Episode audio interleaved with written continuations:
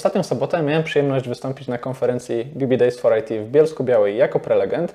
No i pomyślałem, że pomysł na ten film w zasadzie jest gotowy, a ja nie muszę nic robić. Wystarczy, że włączę nagrywanie, zacznę nagrywać ekran i przez 50 minut będę Wam prezentował kolejne slajdy z mojej prezentacji, opowiadając Wam o tym, kim jest Product Engineer i dlaczego warto pracować w firmach produktowych. Pomyślałem jednak, że nasz kanał na YouTube nie do końca dobrze sprawdza się w prezentacji takich długich form, dlatego dzisiaj kompresuję całą tę wiedzę, którą zebrałem w momencie przygotowywania się do prezentacji i postaram się odpowiedzieć na jedno proste pytanie. Czy praca w firmach produktowych jest naprawdę tak nudna, jak niesie wieść gminna? Zapraszam na nowy film.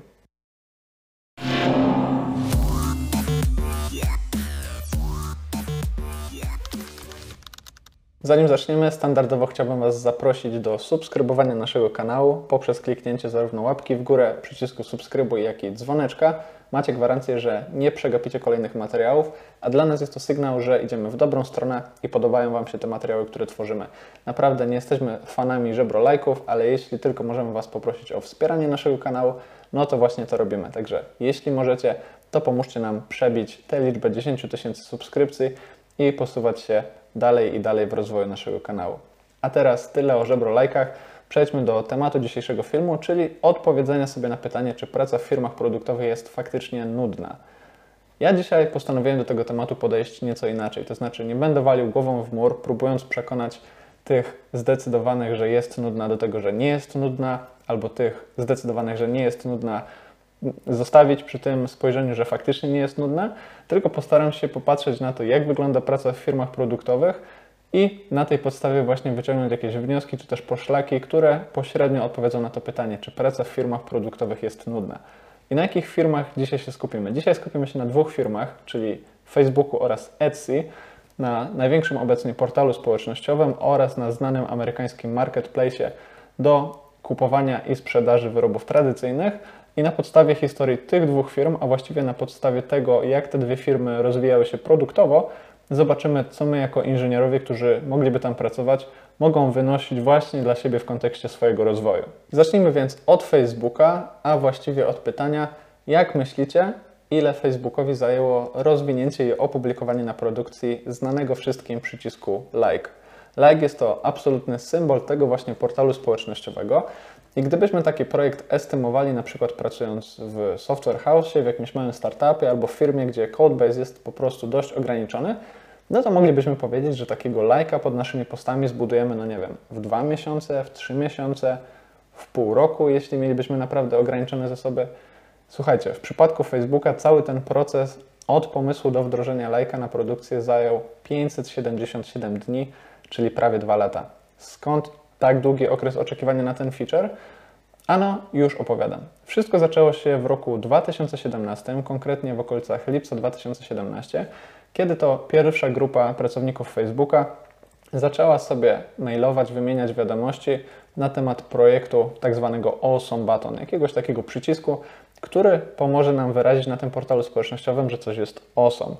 No i wokół całego tego projektu zaczął się gromadzić coraz większy entuzjazm i coraz więcej kontrybutorów było zainteresowanych, żeby po prostu zaangażować się w całą tę burzę wokół czegoś, co brzmi naprawdę interesująco.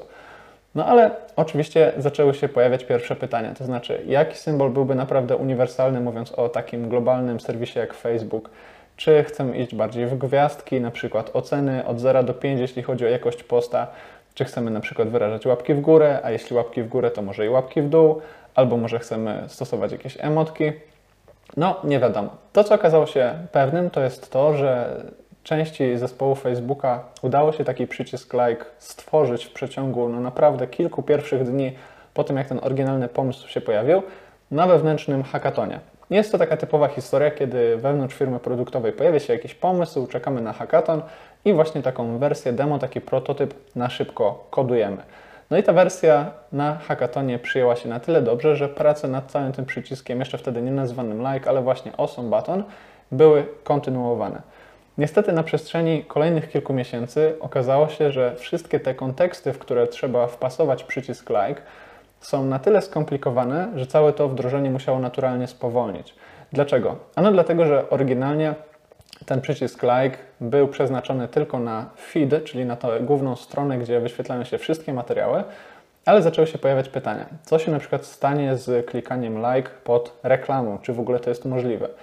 Czy właściwie takie klikanie like powinno wpływać na to, co widzą użytkownicy Facebooka? Czy tego lajka powinniśmy jakoś zaangażować w system rankingowy? Albo czy na przykład ten like powinien tak samo działać na zewnątrz Facebooka, jak i wewnątrz Facebooka?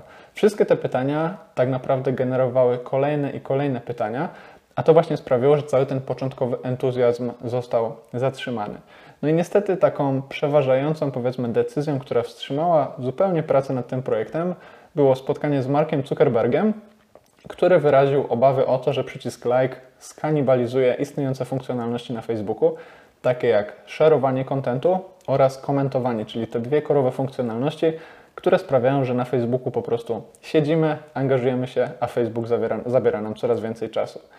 No ale właśnie, musiało minąć troszkę czasu, musiało, musiał opaść ten początkowy kurz na to, żeby do tego projektu podejść jeszcze raz. W międzyczasie od tej połowy roku 2017 do końcówki roku 2018 w Facebooku panowała taka opinia, że mówimy o przeklętym projekcie i tak naprawdę nikt nie chciał się tej inicjatywy dotykać.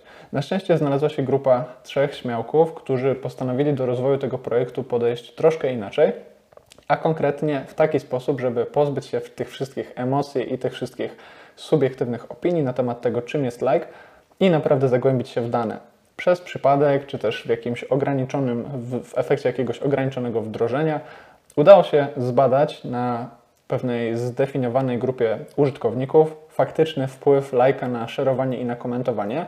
I okazało się, że wbrew wszelkim oczekiwaniom, czy też wbrew obawom, ta korelacja pomiędzy lajkiem a szerowaniem i komentowaniem jest jednak pozytywna. To znaczy to, że użytkownicy zaczęli coś lajkować, sprawiło, że wokół postów zaczęło się pojawiać więcej komentarzy, czy też więcej udostępnień zbierały pojedyncze treści.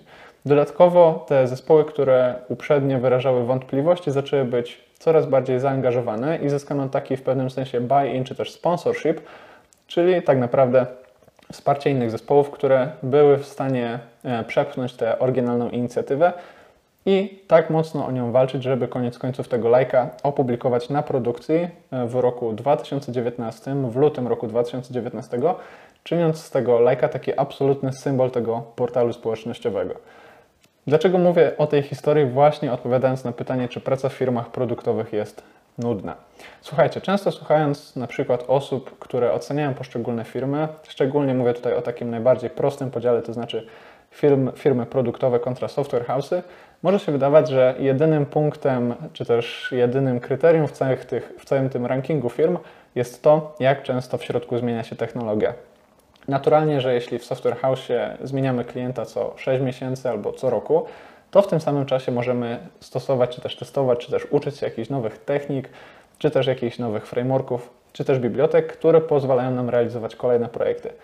W firmach produktowych ta sytuacja wygląda troszkę inaczej, ponieważ te projekty nie zmieniają się tak często, jednak powodują one, że my zyskujemy wiedzę domenową i tak naprawdę pozyskujemy wiedzę o tym, jak poruszać się we wszystkich kontekstach innych niż te techniczne. Tak jak w przypadku historii z lajkiem, Tymi kontekstami był chociażby kontekst czasowy, to znaczy kiedy właściwie jest odpowiedni moment na to, żeby pracować z lajkiem, kontekst innych zespołów, kontekst reklamowy, kontekst marketingowy, kontekst biznesowy, kontekst kulturowy.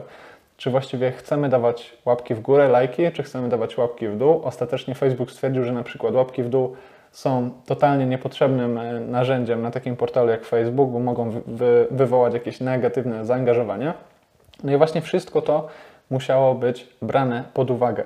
Więc jeśli jesteś programistą, który na cały ten podział firmy produktowe kontra software house'y patrzy na takiej zasadzie, gdzie częściej zmienia się technologia, no to oczywiście software house'y wygrywają. Natomiast jeśli chcesz się wgłębić naprawdę w jakiś problem, o którym jeszcze powiem za chwilę też właśnie na przykładzie Facebooka, to firmy produktowe tak naprawdę nie mają sobie równych. Tak jak na przykładzie tego lajka, który był dewelopowany przez ponad dwa lata, tak wiele innych projektów właśnie wyglądało. To znaczy mamy nie tak naprawdę jeden projekt pod tytułem Like, tylko mamy zestaw projektów, które składają się na jeden produkt i na przestrzeni wszystkich tych projektów, na przestrzeni wszystkich tych iteracji możemy się zbliżać do tego, jak dana rzeczywistość wygląda. Więc mówiąc o tym, czy praca w firmach produktowych jest nudna, przykład rozwoju facebookowego lajka pokazuje nam, że nie jest nudna, ale na pewno wymaga cierpliwości, wymaga tego, żebyśmy wychodzili poza rolę kodera, wymaga tego, żebyśmy patrzyli na dane, żebyśmy sprawdzali, jak realnie wygląda adopcja danej funkcjonalności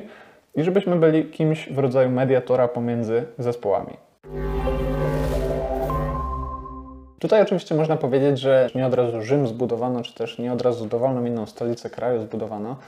I to przecież nie jest tak, że jak ja się zgłębię w te wszystkie konteksty, to ja naturalnie będę się rozwijał. Jasne, że nie, ale to właśnie firmy produktowe dają Ci na tyle dużo przestrzeni i na tyle dużo możliwości, na przykład popełniania błędów w przypadku tych bardziej rozsądnych firm, które wiedzą, że z popełnienia błędów również można wyciągać jakieś lekcje, że to właśnie tam jest ta największa szansa na rozwój.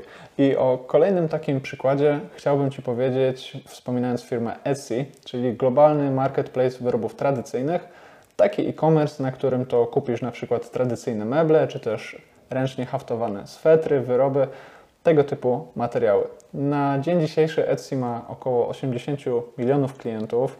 Można to porównać na przykład do Allegro, takiego polskiego lidera e-commerce i powiedzieć, że jest to gdzieś mniej więcej 5 czy 6 takich właśnie Allegro nie, razem wziętych. Do tego jest to firma, która jest już na rynku ponad 15 lat i właśnie jest uznawana za jedną z lepiej prosperujących firm produktowych, takich, które naprawdę rozumieją, jaką wartość wyciągają z pracy z inżynierami, z rozwoju tych inżynierów i z tego, żeby projekty realizować jeszcze lepiej. No ale dlaczego właściwie o tym Etsy mówię? Ano mówię o tym Etsy dlatego, że w Etsy kiedyś pojawił się taki problem darmowego wzrostu. To znaczy pracownicy, którzy pracowali w okolicy roku 2010-2012 w Etsy mówili, że Etsy nie zostało tak naprawdę wymyślone, ale było taką baryłką ropy, którą ktoś w końcu musiał odnaleźć. Ktoś musiał zrobić tą pierwszą dziurę w ziemi i po prostu ta ropa tam czekała. No więc w takich warunkach każdy, kto zaproponował pierwszy naprawdę dobry globalny marketplace dla wyrobów tradycyjnych, po prostu znajdował tą baryłkę ropy przy stosunkowo niskim wysiłku. Ale jaka była tego konsekwencja właśnie patrząc na firmy czy na zespoły produktowe? Ano konsekwencja była taka, że niezależnie co robiliśmy, ten produkt praktycznie tylko wzrastał. No i właśnie to było powodem jednego z większych bólów głowy e, zespołów produktowych w firmie Etsy, ponieważ tak naprawdę ten każdy początkowy entuzjazm, który był stosunkowo tani w stosunku do jakiegoś projektu, tak naprawdę kończył się tym, że projekty były robione totalnie nieświadomie, totalnie losowo i pod takim kryterium, o którym również e, wspominają pracownicy firmy Etsy na YouTube, to znaczy czy dany projekt brzmiał dobrze, czy fajnie się o nim mówiło, czy brzmiał sexy. Jeśli tak, no to zaczynaliśmy nad nim pracować. No ale niestety konsekwencją było to, że nie było, przy, nie było w takim sposobie pracy żadnej nauki i tak naprawdę mnóstwo z tych feature'ów kończyło się po prostu usunięciem z produkcji. No i właśnie w miarę, te, w miarę y, tego, jak Etsy rosło, zespoły produktowe w Etsy zaczęły się po prostu zastanawiać, w jaki sposób można skracać cały ten okres od wymyślenia jakiegoś projektu do powiedzmy zdecydowania, czy inwestujemy w niego więcej czasu, czy usuwamy go z produkcji. Oryginalnie ten okres zajmował gdzieś około dwóch lat, czy też powiedzmy 20 miesięcy. No i oczywiście problemem było to, jak ten okres skrócić, jak nie inwestować tak dużo czasu do tego, żeby zdecydować, że coś nas nie interesuje. No i właśnie na jedną z, w jednej z prelekcji, na które trafiłem właśnie na serwisie YouTube, przygotowując się do tej prelekcji na konferencję, jeden z pracowników opowiada, że cały ten wzrost Etsy i te wszystkie projekty, które lądowały w koszu, były taką znakomitą okazją do tego, żeby nauczyć się chociażby tego, co to znaczy Data Driven Org, czyli taka organizacja, która naprawdę zaczyna szanować dane, patrzeć na dane i tymi danymi się interesować. Dany pracownik wspomina o dwóch, powiedzmy, wyzwaniach, które zaczęto mm, brać pod uwagę. Po pierwsze, jedno z nich polegało na tym, żebyśmy w końcu zaczęli stosować AB testy i zaczęli obserwować to, jak dany projekt wpływa faktycznie na użytkownika, jak wpływa na produkt i jak wpływa na sukces tej organizacji. A po drugie, zaczęto również budować hipotezy, czyli takie tanie modele mentalne, które opisywały tę przygotowywaną inicjatywę na podstawie kilku prostych kryteriów. Na przykład, jeśli chcieliśmy optymalizować stronę główną, to można było stwierdzić, że mm, powiedzmy w przeciągu miesiąca na stronę główną wchodzi X użytkowników, przeciętny zakup na tej stronie głównej to jest Y, my to chcemy zwiększyć o Z%, i można było robić takie tanie modele myślowe, które nam pokazują, jak bardzo opłaci się nam inwestycja e, w dany obszar, w dany kierunek tego produktu. I mówię o tym przykładzie znowu dlatego, żeby pośrednio odpowiedzieć na to pytanie, czy praca w firmach produktowych jest nudna. Jeśli uważasz, że wraz z rozwojem firmy rozwój Twój jako pracownika, jako inżyniera nie jest zachęcającym, nie jest obiecującym, nie jest interesującym, no to naprawdę trudno będzie mi Cię przekonać. Z mojego doświadczenia, z doświadczenia wielu osób, z którymi rozmawiam, osób, które, które pracują w takich środowiskach, to właśnie cały ten okres rozwoju firmy powoduje, że rozwijasz się zdecydowanie bardziej, o ile masz dostateczną autonomię do tego, żeby właśnie zadawać sobie pytania, co robię nie tak, uczyć się na popełnianych błędach, stosować jakieś inne techniki pracy, inne niż te, które dotyczą ściśle, stricte technologii, ale przede wszystkim w firmach produktowych jest też takie naturalne ciśnienie związane z tym, że po prostu musimy się rozwijać. Skoro tym naturalnym celem jest wzrost organizacji, to my jako inżynierowie również powinniśmy wzrastać i te techniki pracy też powinny się zmieniać. Więc to akurat pokazuje dobrze firma Etsy, która sama zauważyła, że nie możemy dłużej po prostu rosnąć na zasadzie takiego wzrostu swobodnego, że po prostu lecimy i nie wiemy właściwie dlaczego to wszystko się tak dobrze rozwija, bo kiedyś prawdopodobnie osiągniemy jakieś takie lokalne maksimum. Więc jeśli chcemy pracować bardziej świadomie, to musimy zacząć sobie zadawać lepsze pytania, musimy wprowadzać techniki pracy, takie jak chociażby właśnie testy AB, czy właśnie budowanie tych modeli mentalnych, tych hipotez, a to wszystko pomoże nam dojrzewać jako inżynierowie. I właśnie to jest dla mnie też kolejny duży argument za tym, żeby jednak pracować w firmach produktowych, to znaczy kiedy firma wzrasta, to ty jako product inżynier również masz znakomitą okazję na to, żeby rosnąć razem z nią. No i trzeci z takich przykładów, który pomoże mi pośrednio dojść do tej odpowiedzi, czy praca w firmach produktowych jest faktycznie nudna, znowu dotyczy Facebooka, a konkretnie okresu, w którym to Facebook postanowił zamienić lajka na znane i być może lubiane reakcje, czyli 6 reakcji, 6 emotikon, które wyrażają jakieś właśnie konkretne reakcje, czy też e, uczucia, wrażenia inne niż to, że na przykład coś lubię jak wygląda cały ten kontekst rozpoczęcia pracy nad tym projektem i dlaczego to jest kolejna z lekcji, którą można wyciągnąć właśnie z obserwowania tego, jak działają firmy produktowe. Po pierwsze, e, od momentu pracy nad lajkiem do momentu pracy nad reakcjami minęło około 8 lat. O ile w okolicach roku 2007 czy też 2008 na przykład problemem dla zespołów inżynierskich okazało się to, że Facebook musi być rozwijany na wielu platformach i w wielu kontekstach równolegle i był to powiedzmy taki roadblock, na który napotkano właśnie w trakcie, w trakcie pracy nad lajkiem.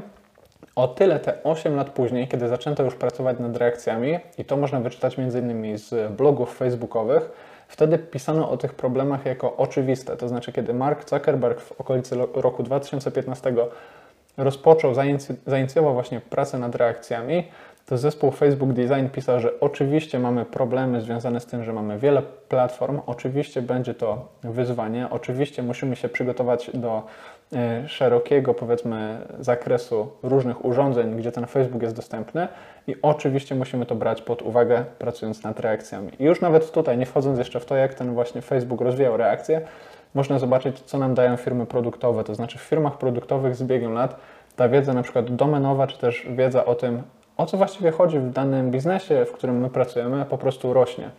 W 2007 roku Facebooka zaskoczyło to, że tych kontekstów wokół lajka jest tak dużo, a w 2015 roku Facebook Design na swoim blogu pisze, że przecież to oczywiste, że tych kontekstów jest tak dużo. Ale to nie wszystko.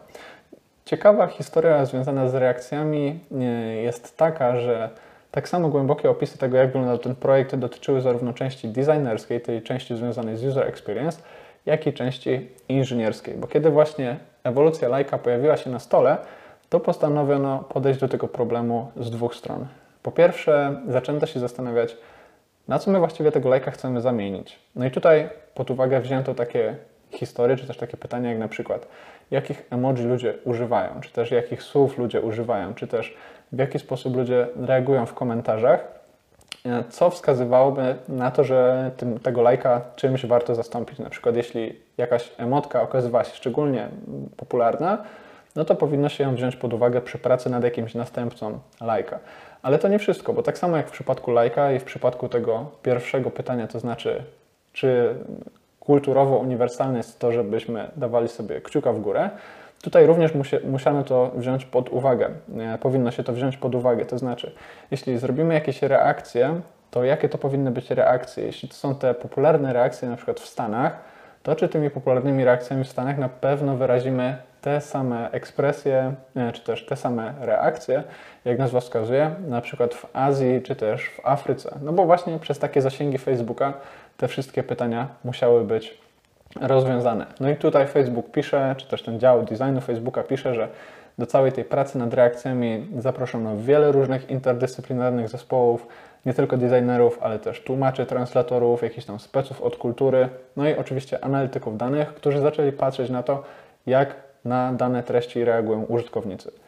I to była ta strona UX-owa, ale po drugiej stronie działa się też praca inżynierska, no bo właśnie te reakcje musiano w jakiś sposób wyrażać na portalu i te reakcje też musiały być w jakiś sposób konsumowalne na, na tym portalu. A to już dotyczyło stricte tego, w jaki sposób te reakcje zaimplementujemy.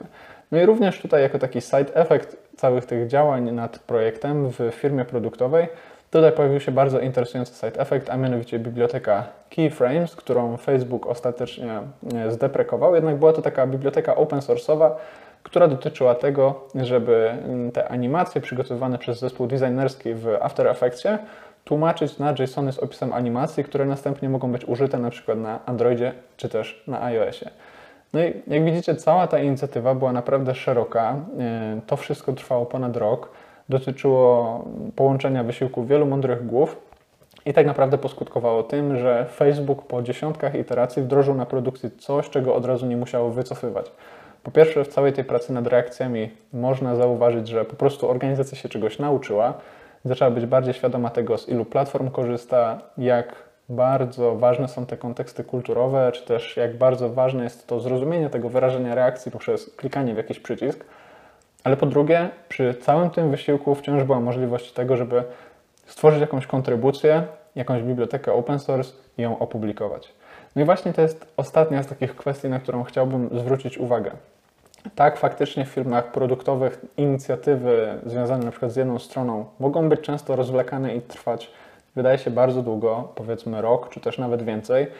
Akurat reakcje Facebooka były rozwijane przez ponad rok, ale w trakcie tej pracy, w trakcie tych wszystkich poszczególnych składowych, tych mini projektów, które składają się na cały produkt, pojawia się wiele side efektów. I tymi side efektami dla inżyniera mogą być chociażby kontrybucje do open source, mogą być blog posty, może być naprawdę dość czasu, żeby zapoznać się z jakąś biblioteką, z jakimś problemem, z jakąś techniką, na przykład debugowania aplikacji, czyli z wszystkim tym, na co normalnie nie mielibyśmy czasu, skacząc po kolejnych technologiach i wymieniając klienta jak rękawiczki. Myślę, że nie wszystkie osoby są e, świadome tego, czy też biorą pod uwagę to, że ta cała monotonia, na którą zwracają uwagę, wiąże się również z tym, że po prostu mamy więcej czasu i faktycznie w trakcie tego czasu nie zawsze klient nam mówi, szczególnie z zewnątrz, jak w przypadku software house'ów, co my mamy robić, ale to my sami możemy zdecydować, na co ten czas przeznaczyć. I to właśnie pokazują i historię Lajka, i historię tego, jak uczył się zespół produktowy w Etsy, i historię tego, jak wyglądała praca nad reakcjami.